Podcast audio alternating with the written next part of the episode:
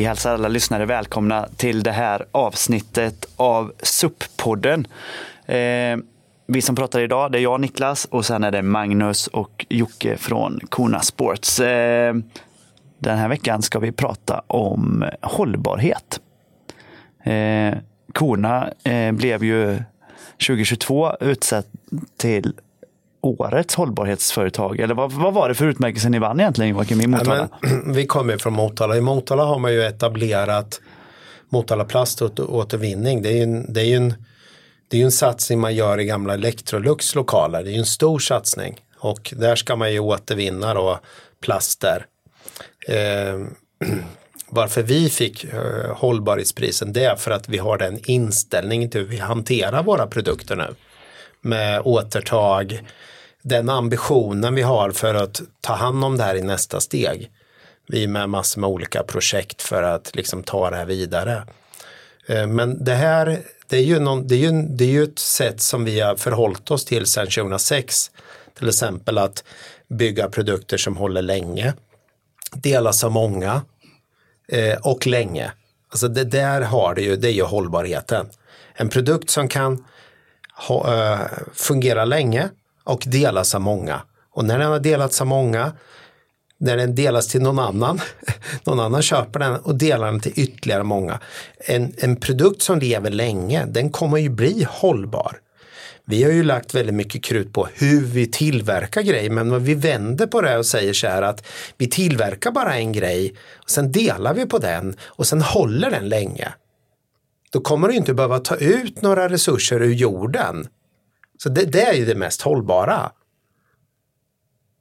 Man ska ju komma ihåg, det är det mest hållbara. Eh, tar vi till exempel vårt, ett av vår tids stora branschproblem, det kommer ju vara alla upplåsbara suppar som säljs. För att PVC går nästan inte att återvinna. Det är oerhört svårt. Därför är det väldigt viktigt att när man investerar i en upplösbar PVC-SUP, att den lever länge och att det finns ett, stödsystem runt det här. Att kunna laga den här, hålla den vid liv för att sedan kanske bli någonting annat senare. Och varför är det så här? Jo, men när man ska liksom separera en upplösbar SUP, då det är ju väldigt mycket bindmedel här, då utsöndras det saltsyra. Och när man gör det här i, i vanliga återvinningsanläggningar, de är ju, de är ju byggda i, i, eh, svarta material. De är inte byggda i syrafasta material. Syrafasta material använder man håller på med kemikalier. De skulle rosta ihop. Så det går ju liksom inte. Det finns, det finns väl en anläggning som kan delvis återvinna PVC men den är väldigt lågeffektiv. Den finns i Tyskland. Det här är vår tids största problem i vår bransch. Det är vad händer med de här supparna när de inte ska leva längre? Eh, det är ju en tickande bomb att lägga de här på soptippen och bränna upp de här. Det är verkligen en tickande bomb. Vi har, vi har ju sett det som så att det här ska ju leva länge. Så vi tar ju tillbaks grejerna, arbetar, arbetar upp dem och säljer dem igen. Um, men det som händer då, det är ju det att lågvärdeprodukter som blir för billiga, de kommer ju inte finnas något upparbetningsvärde i. Om man rent tittar på ekono ekonomiska termer. Så jag menar, vad vi försöker göra, vi försöker faktiskt att bygga en långsiktig hållbar, hållbarhetsstrategi av att faktiskt jobba med pre-owned gears. Och nu PVC är ju egentligen den stora liksom, superboven här. Det här är vår tids största SUP-problem mm. kan man säga. Eh, när man tittar på kompositbrädor, där är det ju lite, det, det, det stora problemet i kompositer, det är ju, eller hårda brädor, det är ju det att det finns EPS in, på insidan av skalet, glasfibern. Och det är ju frigolit. Det är ju absolut sånt som man inte vill ha ut i naturen. Och det är också surfbrädornas stora utmaning, supparnas stora utmaning, det är just det som är inuti. Det är liksom poison, det är real poison. Um, ehm, det är där man måste fokusera. Det har vi gjort. Vi har löst det delvis nu med en EPS. Eh, för, för EPSen i de här brädorna, utmaningen är att en hård bräda som går sönder, den suger vatten och så blir den tyngre och sen vill ingen ha den där brädan. Vi, första steg här har vi ju i våra nya kompositbrädor byggt in en annan EPS som inte suger vatten. Vilket gör att du får längre livslängd. Mm. Och det är ju en game changer. Alltså den, den tar in, den suger inte vatten. Den andra grejen vi har fokuserat på det är ju att ta bort det här helt och hållet. Att ta bort den här giftiga materialet inuti. Och då har vi vunnit några grejer som vi inte riktigt förstod direkt. Det var ju egentligen att vi kunde bygga produkter som flyter högre i vattnet. Och i och med att de flyter högre kan vi stå lägre i dem. Så vi kan bygga egentligen stabilare produkter som har mindre friktion i vattnet. Och det torde vara framtidens liksom, eh, snabbaste eh, produkt. Det borde bli så. Eh, sen måste man ju anpassa formerna så det blir perfekt för det då. Va? Men om man går tillbaks till upplösbara suppar, det är verkligen vår tids största utmaning. Vad som ska ske med de här upplösbara PVC-supparna. Så hur ser det ut eh, hos Kona? Hur kommer ni jobba med hållbarhet eh, framöver? Kanske då framför allt med, med de uppblåsbara supparna? Vi kommer eh, successivt fasa ut det vi inte ska syssla med. Eh, vi, vi producerar ju fortfarande i Asien Eh, det är ju en del att transportera alla de här. Eh, det räcker inte med att stoppa i ett strå i mangroveträsket och säga att vi har miljökompenserat. Det första vi måste göra det är ju att inte använda mer material än nödvändigt. Vilket gör att vi behöver kanske inte trycka ut tusentals lågprisuppar Eh, i framtiden. Snarare att man delar på en liten bättre SUP och att man inte behöver transportera sådana container på container i framtiden. Vi kommer välja bort saker och ting som gör att vi inte kommer vara med och bidra till den här eh, det här liksom dåliga eh, liksom behavior, bad behavior. Mm. Så därför är det ju så att vi, där vi har sett att vi har varit globala företag, det kommer ju, jag menar det tittar vi bara på mat, den ska ju produceras lokalt.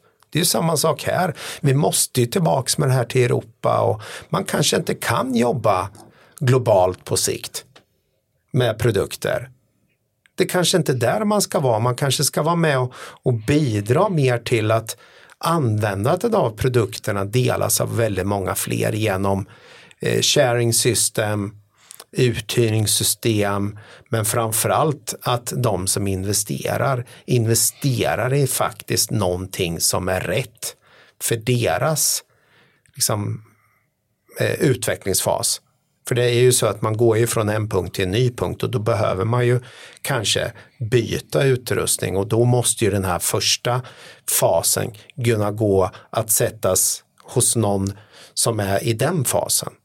Så att man, vi som varumärke måste ta ansvar för utbe, utvecklingen av individer. Så man förflyttar sig hela tiden framåt. Och det är där vi vill vara i framtiden. Det är där, det är där vi pratar om hållbarhet.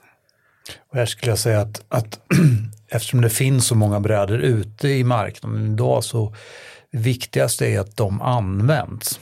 Att man faktiskt förstår vad man kan göra med dem och vår roll blir ju här att hjälpa människor med att, att faktiskt använda de här sakerna. Det kan ju vara att, att mycket av det här med, med, vad ska man säga, lite enklare konstruktioner kanske inte bär en vuxen. Men då kan ju barn använda det i större utsträckning. Det kan finnas många klubbar exempelvis som, som har barn eh, där, där de kan få användning av det här för mm. mer, vad ska man säga, hälsosam eh, utveckling i det här fallet. Men framför allt att man inte bara låter det ligga eh, i, i ett förråd eller garage utan att man faktiskt tar ut den på vattnet och, och nyttjar det. Har... Ni, ni, har ju kört, eh, eh den här reuse eh, Mm. satsningen. Pre-owned. Pre-owned. Ja. Hur, hur har det gått under, under 2022 då? Ja, förra men alltså det, det är ju, det är ju liksom, det ligger väldigt mycket tiden och vi står verkligen för det. det Intresset är- stort. Absolut, det är ett stort, det är ett stort intresse. Ehm, Men det kräver ju också av, lite av oss som företag för vi måste ju ha de resurserna, vi måste ha de kunskaperna, man måste ha utrymme. Eh, Det, det, vi, är inte, vi är inte så intresserade av bistå att kränga. Det är det jag kan tycka i den här marknaden att det har varit mycket krängning. Vi måste liksom sluta och kränga, köp rätt grejer istället. Och eh, vi kommer att vara där och stå på, eh, och bidra till utveckling och hjälpa till. Det, det är vårt mission. Samtidigt är det ju, handlar ju om att nu måste vi gå in och kanske justera lite frakter. Det handlar ju inte om att man ska byta, man man måste kanske byta fraktbolag, man måste också kanske förväntas att det tar lite längre tid för att man ska optimera det här. Det är någonting som kommer att ske nu eh, nästa år här. Att vi kanske inte ska leverera, idag så säger vi att vi ska leverera direkt och har dem dagen efter. Ja, det kanske man måste. Men det är frågan liksom rent hållbarhetsmässigt om man tar ett ansvar så kanske du inte ska ha produkten dagen efter. Du kanske ska vänta tre dagar. Eller du, när du beställer en bräda, eh, en kompositbräda som vi har gjort som är en jättestor grej, det är on demand produktion att du beställer en grej och så väntar du några veckor på den där. För då kommer inte vi behöva plocka ut några resurser ur jorden förrän vi har sålt den där brädan. Nej, men Det, det, är ju, det är ju ett regimskifte och det kommer inte funka att hålla på och producera i Asien då. Det binder för mycket kapital, det smutsar ner för mycket på vägen. Det spelar ingen roll hur, mycket hur du bygger de där produkterna. Det är, du är redan körd när du har lagt en container i Asien och skickar hemmet till Europa. Här är det ju vi konsumenter som måste faktiskt ställa krav vi, vi, vi ska följa dem som faktiskt är med och gör den här förändringen. Vi kommer välja bort saker och ting som inte är hållbara. Men det handlar ju om hållbar, det handlar ju om en utfasning av saker och ting. Eh, min hjärna drog en parallell här. Du, har- eh, du har ju haft småbarn eh, Jocke, Magnus har aldrig haft det. Men jag har ju småbarn nu. Och eh, de gör ju åt kläder ganska, i ganska hög utsträckning och de växer och kläder används väldigt kort tid. En over- vinteroverall till ett litet barn till exempel. Det används ju väldigt kort tid av det barnets liv.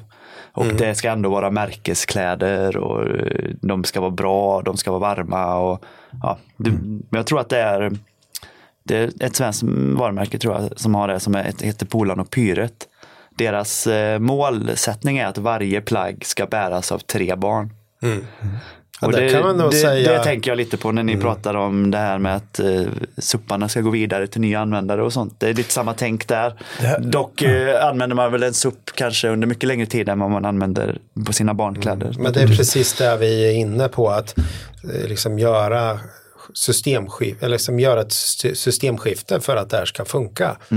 Ehm, Det är ju verkligen så att vi vill inte flytta moleky- molekyler i onödan.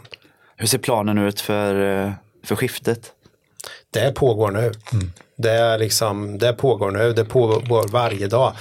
Eh, Utveckling, det är ju inte, det är ju lite spännande där för att när man, om man tänker sig man till varumärke, då ska man ha då förorder i en viss punkt- punkt och så ska man producera och så ska man skeppa ut det där. Men när produktionen börjar närma sig, då behöver du inte ha, då kan du ju beställa det du behöver i princip. Så nu är ju vi först i Europa kan man säga att är det någon butik nere i är det någon konsument som vill ha en av våra produkter då producerar vi och skippar ut den till konsumenten. Det är ju samma sak i USA, det har ju också förändrats. Liksom geopolitiska handels, eh, eh, handelsvägarna har ju förändrats. För att det tar 18 dagar från Europa till USA, till Chicago. Och producerar man i Europa så helt plötsligt kommer ju amerikanerna börja köpa i Europa. Mm. Och man vill helst inte köpa av Asien. Och det, det, här, det här blir förändringar. Vi ser det även i Nordamerika att man börjar värdera sådana här grejer. Och det är inte så, man, det kanske inte är, Hondine är inte billigast av alla. Men de skryter faktiskt med att deras Power Hoodie används mest av alla hoodie, hoodiesar i antal gånger. Mm. Jag kan ju se en annan aspekt i det hela också. Det är ju till exempel att vad vi använder produkter till. Att till exempel Vissa produkter är mer anpassade för, för vissa miljöer exempelvis. Eh, om vi tar suppbrädor, vissa plattvatten eller hav och sådär. Eh, här kan man ju faktiskt också lära sig använda en produkt som inte enbart är anpassad för, för just de här förhållandena. Att använda dem. Det gör att du kommer utvecklas mycket, mycket mer. Eh, och det, det tror jag många glömmer. Istället för att köpa mängder av olika produkter som ska passa specifikt för varje ändamål så kan man börja eh, med att utnyttja produkterna mer. Sen om du vill ta det till nästa steg, att till exempel tävla sådana här saker, ja men då kommer du tjäna på att använda rätt produkt. Mm. Men i, i ren träningsform så funkar det ju ganska bra med, med vad du har. Att köra eh, på, en vågig, på ett vågigt hav med en plattvattenbräda då helt enkelt. Det är en bra utmaning, ja. bra träning. Ja. Mm. Eh, jag förstår. Eh, och eh, ja, hela produktgrejen då, det, där går det helt enkelt mer åt något slags cirkulärt tänk eh, där brädorna åker ut och används till förhoppningsvis då väldigt mycket till det som de är tänkta till. Och sen tar vägen in runt igen och ut till nästa person som, som befinner ja. sig där den produkten passar. Direkt. Medan eller... Eh, den personen som hade den tidigare går vidare till någonting Ja, men man ska ändå komma ihåg att SUP och, en, SUP och en utveckling, någon form av kunskap, det gör ju att du blir lite bättre. Det är där vi, tror, det är där vi lägger mer krut på att eh, till exempel det var en som ringde in här och skulle ha, köpa en SUP och skulle motionera och träna. Eh, och det här är, nu är vi ju inne, när vi spelar in det här poddavsnittet, det, det är ju vinter. Han skulle ju ha den här till våren. Eh, så jag lyssnade av honom där och så sa jag helt enkelt att du kan ju börja redan nu och lära dig paddeltekniken. Eh, och sen kan du ju, då har du ju utvecklat paddeltekniken och det kan man göra genom den här eh, då indoor-suppen är ju en form av hållbarhet också för att du kommer utveckla snabbare vilket gör att du kanske kan hoppa upp ett pinnhål om du vill. Om du nu ska motionspaddla eller eh, träna. Ja men då kräver ju det en typ av eh, liksom eh, ja, typ av Eh, eh, bräda då. Och lär du paddla på land och har de här faserna, du, då kommer du inte uppträda lika nervöst ute på brädan, vilket gör att du kan komma lite längre fram snabbare. Och det är, det är ju där vi hela tiden försöker och vi försöker ju ta bort hindren för att du ska lyckas och få så mycket hälsoeffekt som möjligt eller ta bort hindren för att verkligen få den här Eh, varan eh, och vara hållbar. Jag menar, framtiden är inte kränga. Framtiden för företag handlar väldigt mycket om att kan du inte leverera hållbarhet, då kommer du inte kunna driva ditt bolag. För det är ju så att hållbar, hållbarhet är ju grunden till att vi ska existera. Vi kan inte fortsätta som vi gör. Jag menar, världen håller på att brinna upp. Det, är ett allvar, det här är allvar, det är för allvar för alla. Det är inget skämt eller det är ingen marketingfloskler. Det här är någonting vi står inför alla. Mm. Och den som inte står eller bidrar till det här och, och liksom försöker bi, liksom medverka till det här kommer ju faktiskt vara i princip samma sak som att inte betala sin skatt. Att inte göra rätt för sig. Det här är ju spelreglerna för att kunna vara med i framtiden. Det hänger ju väl ihop med, men egentligen alltså att hållbar utveckling. Det handlar ju om, om exempelvis eh, för varje individ eh, hållbar funktion. Att vi faktiskt eh, mår så bra vi kan. Alltså att vi använder kroppen på det sättet som, som eh, den ska användas och därigenom också kanske slipper många problem, alltså krämpor och, och sjukdomstillstånd och så vidare. Mm. Så att en del i det här är, och det är där man känner, eh, här levererar vi ju en väldigt hållbar produkt egentligen, om man tänker sig själva hälsoaspekten av det hela. Alltså allting vi gör ska bidra till att vi faktiskt eh, mår bättre som, som människor. Kan man, eh. kan man dra det så långt så, som Joakim gjorde precis då, att man kanske faktiskt har ett ansvar, eller som företag då kanske blir helt orelevant om man inte tänker på hållbarhet. Eh, har man också ett ansvar som individ att hålla sig så hälsosam som möjligt för att eh, Motsatsen är ju också att belasta samhället mm. om man är ohälsosam. Och, och det är det här som vi har pratat mycket om medvetenhet och det här är ju en, en väldigt stor del i det här. Alltså vad, att bli mer medveten om sig själv.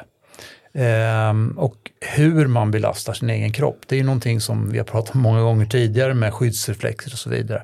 Vårt reflexstyrda beteende är det som gör att vi eh, faktiskt mår sämre och sämre. Om vi börjar vända tankarna inåt istället och börjar känna av vår egen kropp och våra egna behov så kommer vi också ifrågasätta mycket av våra beteenden. Helt enkelt börja titta mer på vad äter vi, eh, vad gör vi till vardags, hur använder vi kroppen och så vidare. Eh, så det blir ju, alltså när du väl är inne där, då börjar du också titta på vilka produkter använder de. Hur hållbart är de tillverkade? Hur har företagen, vilka värdegrunder står det här företaget för till exempel? Kan jag förlika mig med det och så vidare.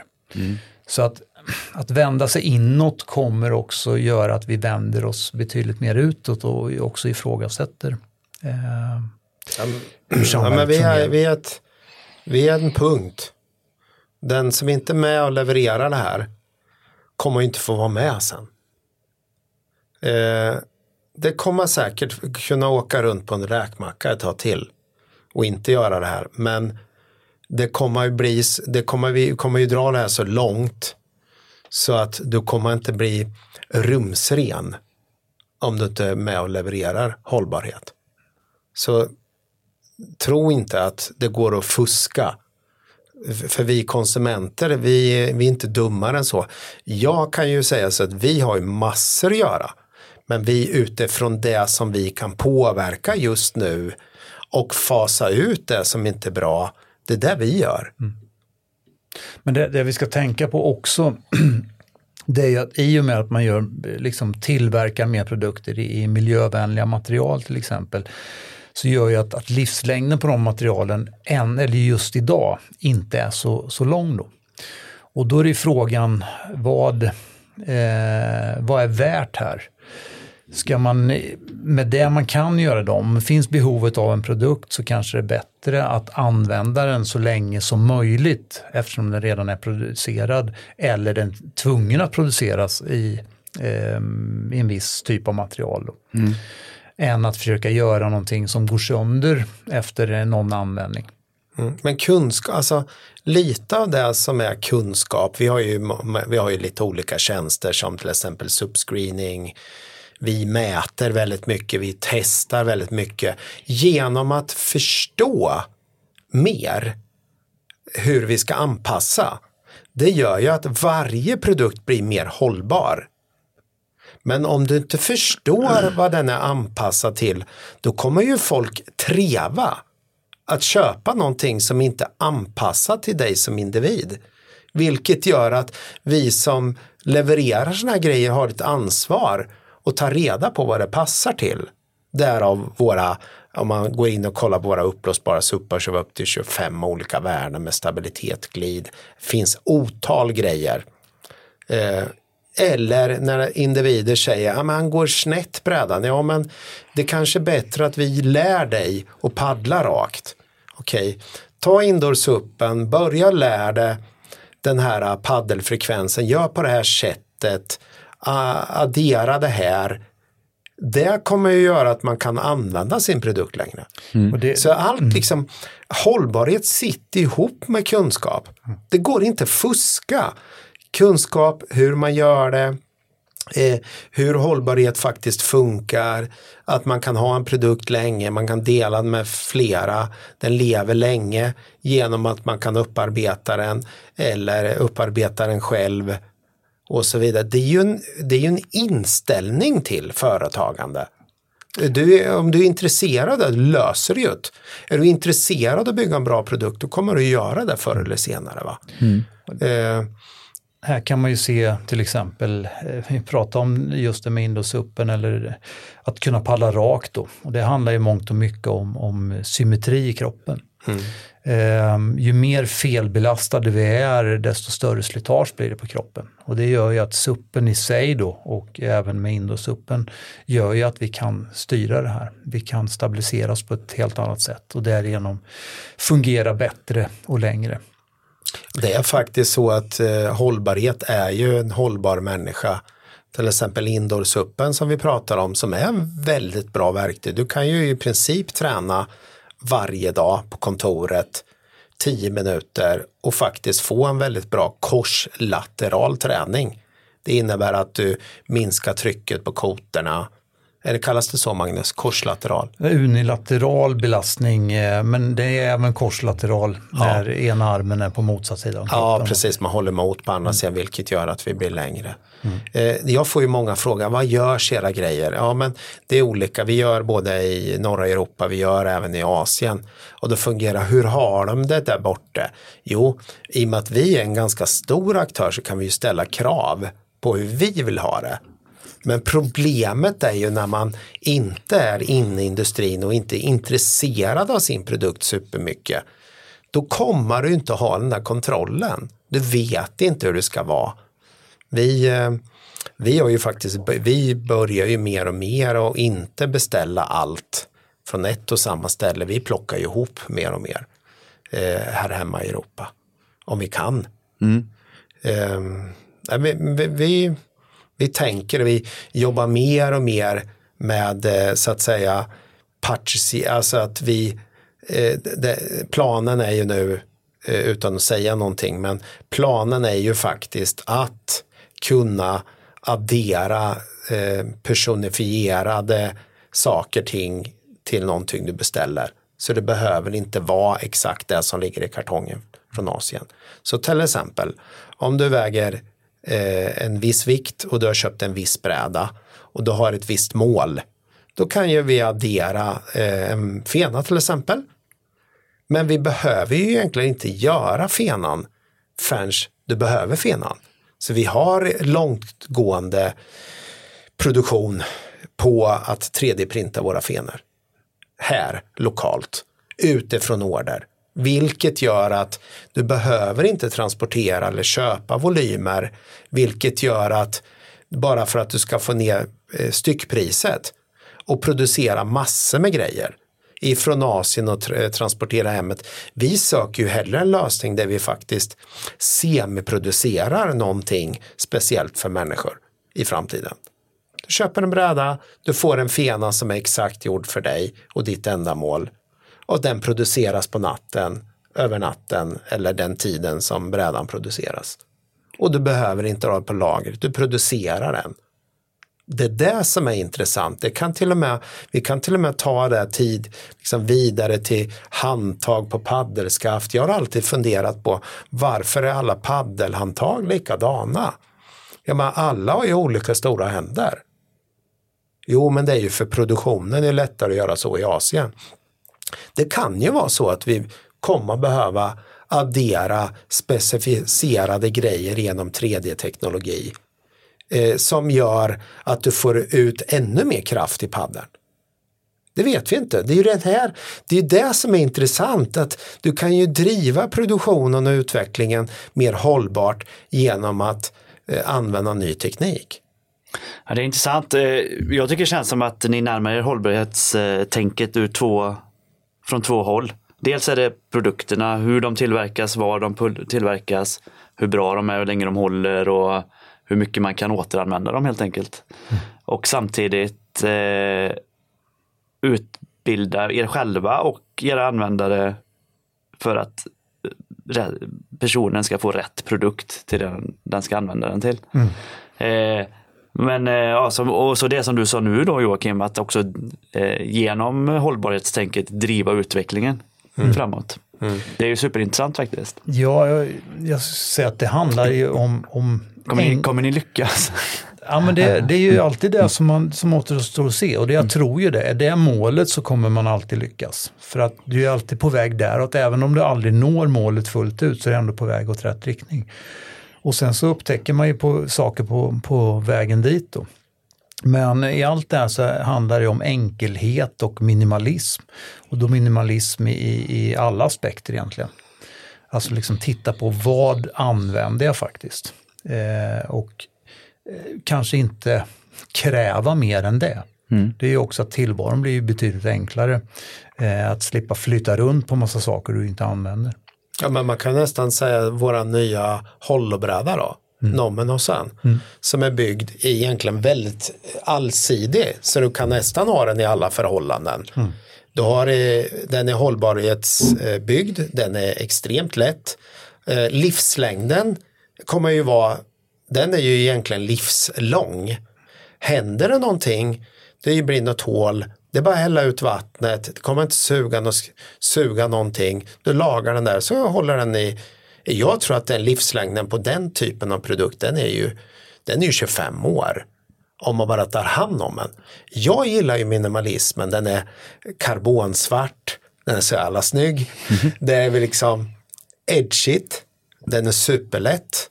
Eh, du, I och med att den är platt under, lång vattenlinje, det gör ju att du kan få den att surfa väldigt bra. Va? Eh, du kan, den kan glida bra. Det finns mycket med nya hollobrädan som vi inte kunde göra med de eh, EPS-brädorna, de fyllda brädorna. Vi är bara början av vad det kan ske. Och då ska man veta att den tekniken är man mycket bättre på i, i högteknologiska länder. Den gynnas inte av att vara i lågtechländer som Asien. Alltså eller låg, vad ska jag säga, lågprisländer. Man ska ju komma ihåg att varför producerar man SUP-brädor i, i, i vissa länder? Jo men du behöver inte använda energin för att du har solen. Men då har du det som är liksom eh, av, av i sidan, ja, men du har väldigt, väldigt hög eh, humidity, alltså Luftfuktighet, luftfuktig, luftfuktighet vilket gör att du får väldigt dålig vidhäftning vilket gör att du får väldigt dålig kvalitet, du får delamineringar och alltihopa. Det där är liksom, det, det är ju därför viss produktion är på vissa ställen. Jo, men, men, Och, och, och då, men då är det ju det pris, priset. Men priset är ju alldeles för högt för världen. Eh, det, det, priset för världen är ju mycket högre fast produkten är billigare att producera. Den är ju så mycket dyrare. Mm. Och det, och det är precis det det handlar om. Alltså att hållbarhet handlar ju om att ta ut vad en produkt kostar. Och gör du en bättre produkt med högre kvalitet, vilket tar längre tid att producera och så vidare, då kommer den kosta mer. Men det här jämnar ju ut sig utifrån att om den också kan användas av fler. Därför kommer vi ju in i nya affärsmodeller där man faktiskt blandar tjänster eh, och produkter. Och man hyr dem förmodligen. Eh, det är långtgående, det tittar vi långtgående. Men det kommer aldrig gå med produkter som är producerade för långt ifrån det. Du har inte kontroll på kvaliteten och så vidare och så vidare och så vidare. Här krävs det några år till. Eh, jag är helt övertygad. Jag, jag är lite inne på det här med hållbar, hållbarhet, liksom hållbarhet för oss som företag. Vi måste ju själva göra ett statement vad vi vill stå för. Jag, jag äger ju det här bolaget till den största delen då. Och med min co-driver som heter Johan Lyreborn, vi har tagit ett statement. Vi är inte beredda att vara bidra till det som har varit tidigare. Vi vill från det. Det är vårt statement. Och vi ska göra allt som står i vår makt för att komma ifrån det. Men det handlar ju om att fasa ut det gamla och ta in det nya. va. Så, och Magnus här som är också intresserad av faktiskt utveckling av individen. Matcha det ihop med produkt och få någonting som faktiskt funkar ihop. Det är det som kommer att bli vårt företags hållbarhet för framtiden. Det är, inget, det, det är ingen enskild del. Det är sammantaget kunskap som gör att man kan bygga hållbara, hållbarare koncept. Vi säger koncept istället. Vi behöver inte säga produkt eller tjänst. Vi säger koncept. Jag gillar koncept. Mm. Och tänker vi då att, att kunskap eh, kostar ju ingenting. Det, är därifrån. Det, det påverkar inte världen på något sätt. Den personliga utvecklingen kostar heller ingenting. Och det är det vi vill, alltså, det är hållbarheten i det vi vill göra. Vi vill sprida kunskap och hjälpa människor i personlig, med sin personliga utveckling. Mm. Det påverkar eh, bara eh, positivt skulle jag säga. Ja, jag skulle precis säga det. Någon som eh, ut, ja, utvecklas eh, och eh, förbättra sin hälsa till exempel. Det kanske snarare är då, om man ser ur hållbarhetsperspektivet, en besparing. En vinst. Ja. Men alltså ta, ta, finns ju många människor som har ont i ryggen. Och kan vi, eller i något knä eller rehabilitering, kan vi vara med och bidra till att de mår bra och de blir så att säga friska de kan utföra sitt jobb. Det finns säkert med. Jag, jag har på min lista är många som faktiskt har så pass ont i ryggen som faktiskt går framåt som nu kan jobba som inte har kunnat jobbat. Jag menar, det är ju en, det är en hälsoförbättrare vi sysslar med. Mm. Jag, menar, vi, jag vet ju att eh, hemma i Motala så ordinerar man ju faktiskt SUP som rehabiliteringsform till de som kommer ner som har vissa ryggproblem. De säger att paddlas upp, det kommer hjälpa dig. Det är väl framförallt. Och det är fysioterapeuter som gör det och vi hoppas ju att den här indoorsuppen ska bli en del av det framöver. Mm. Det är väl framförallt det vi har sett under åren att det är det här som är produkten. Alltså det är det här som vi står för. Det är det som vi egentligen säljer. Mm. Det är just den här hälsoeffekten av, av det hela, inte produkten i sig då, eller alltså det du står på eller paddlar med då. Men det är ju en, en del i det hela för att nå ja de här andra. Ja, det är verktyget i alla Exakt. fall. Ja. Härligt. Eh, ja, men det ska bli jättespännande att följa och jag tycker ehm, det var superintressant eh, när du förklarade det här Joakim med 3D-printningen och kanske att man eh, kan ha ett personanpassat handtag på sin paddel i framtiden i förhållande till minimalism. För man tänker så här, minimalism, ja, då hade vi sålt en typ av bräda och en typ av paddel som passar alla. Mm, och producerat jättemycket av den då. Men minimalism kan vara mycket mer personanpassat egentligen. Då.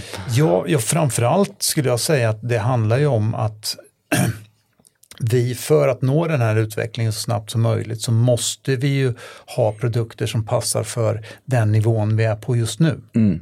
Och sen tar det en stund att lära sig det. Sen behöver vi byta för att fortsätta den här utvecklingen. Men då tar ju någon annan över. För det kommer alltid nya som också vill ta del av det här. Precis. Härligt, ja, men jag tycker det bådar ju gott för framtiden här. För, för våran jord och för korna. Ja men det är hårt jobb. Ja. Alltså det är ingenting man måste ha en ambition. Ja. Om vilja. Då kommer vi ju ta steg framåt. Härligt. Eh, är det någonting ni vill tillägga i hela, vi har pratat om hållbarhet för produkter, hållbarhet för den ja, personliga hälsan då för utövaren och även ur företagsperspektivet. Eh, Mm. Tycker ni att vi har missat någonting eller ska vi ehm, känna ja, men, oss nöjda för, i, ja, men Man kan nu? säga så att det man lär oss ju någonting hela tiden. Och med teknik och mer kunskap så kommer vi ju kunna driva det här framåt ännu mer. Men man måste vara nyfiken. Mm. Nyfikenhet att gräva är ju nyckeln till utveckling. Mm. Ifrågasätta skulle jag säga. Mm. Det är något jag gillar mest med, med Kona som företag. Eh, det är ju agiliteten. Att, eh, att eh, hela tiden sikta framåt och justera kursen efter vad man lär sig. Ja men nu, är kurs, nu måste ju kursen justeras. Så enkelt är det. Det som har varit tidigare det finns inte längre. Det kommer inte gå tillbaka som det har varit tidigare. Vi är i ett helt nytt läge. Och då måste man styra om. En sista fråga. Hur många PVC-suppar finns det i Europa? Jag tror, att det, det, jag tror att det under 21 såldes cirka en miljon. Under det året bara? Ja, så jag tror det, det, Det är ett antal miljoner eh, upplåsbara suppar som finns, som ligger här och där. Ja, men I det- källarförråd och vindar det- och det- i båtar och liknande. Ja, det är en tickande bomb. Och, eh, och det, det problemet blir ju när man man är så het och trendig så det till slut så blir det ju så billigt och dåligt. Då blir det ju bara eh, någon form av eh, enkel, det blir för enkelt att köpa. Då- Priserna som har varit på de, de, de här billiga supparna är ju alldeles för låga för att ens vara, vara möjliga att producera egentligen. Nej, och det, man kan säga så här att under pandemin så tillväxten var stark, man trodde att tillväxten skulle fortsätta. Folk sitter nog på, har nu lite stora lager, måste bli av med det och det, det, och det ska man ju om- komma ihåg att det man vill bli av med det är det som egentligen inte, eh, vad ska jag säga, det är det som eh, kommer att vara minst funktionellt för framtiden. Så jag menar, vi har en bra försäljning men det är ju mer de som faktiskt vill lite mer nu. Och det tycker jag är positivt, att man är faktiskt mer intresserad av den här. Så det är en, det är en stor marknad där ute som har vä- växt upp. Men det kommer också kräva att tillfredsställa den marknaden. Härligt. Vi säger tusen tack för idag och eh, på återseende. Tack.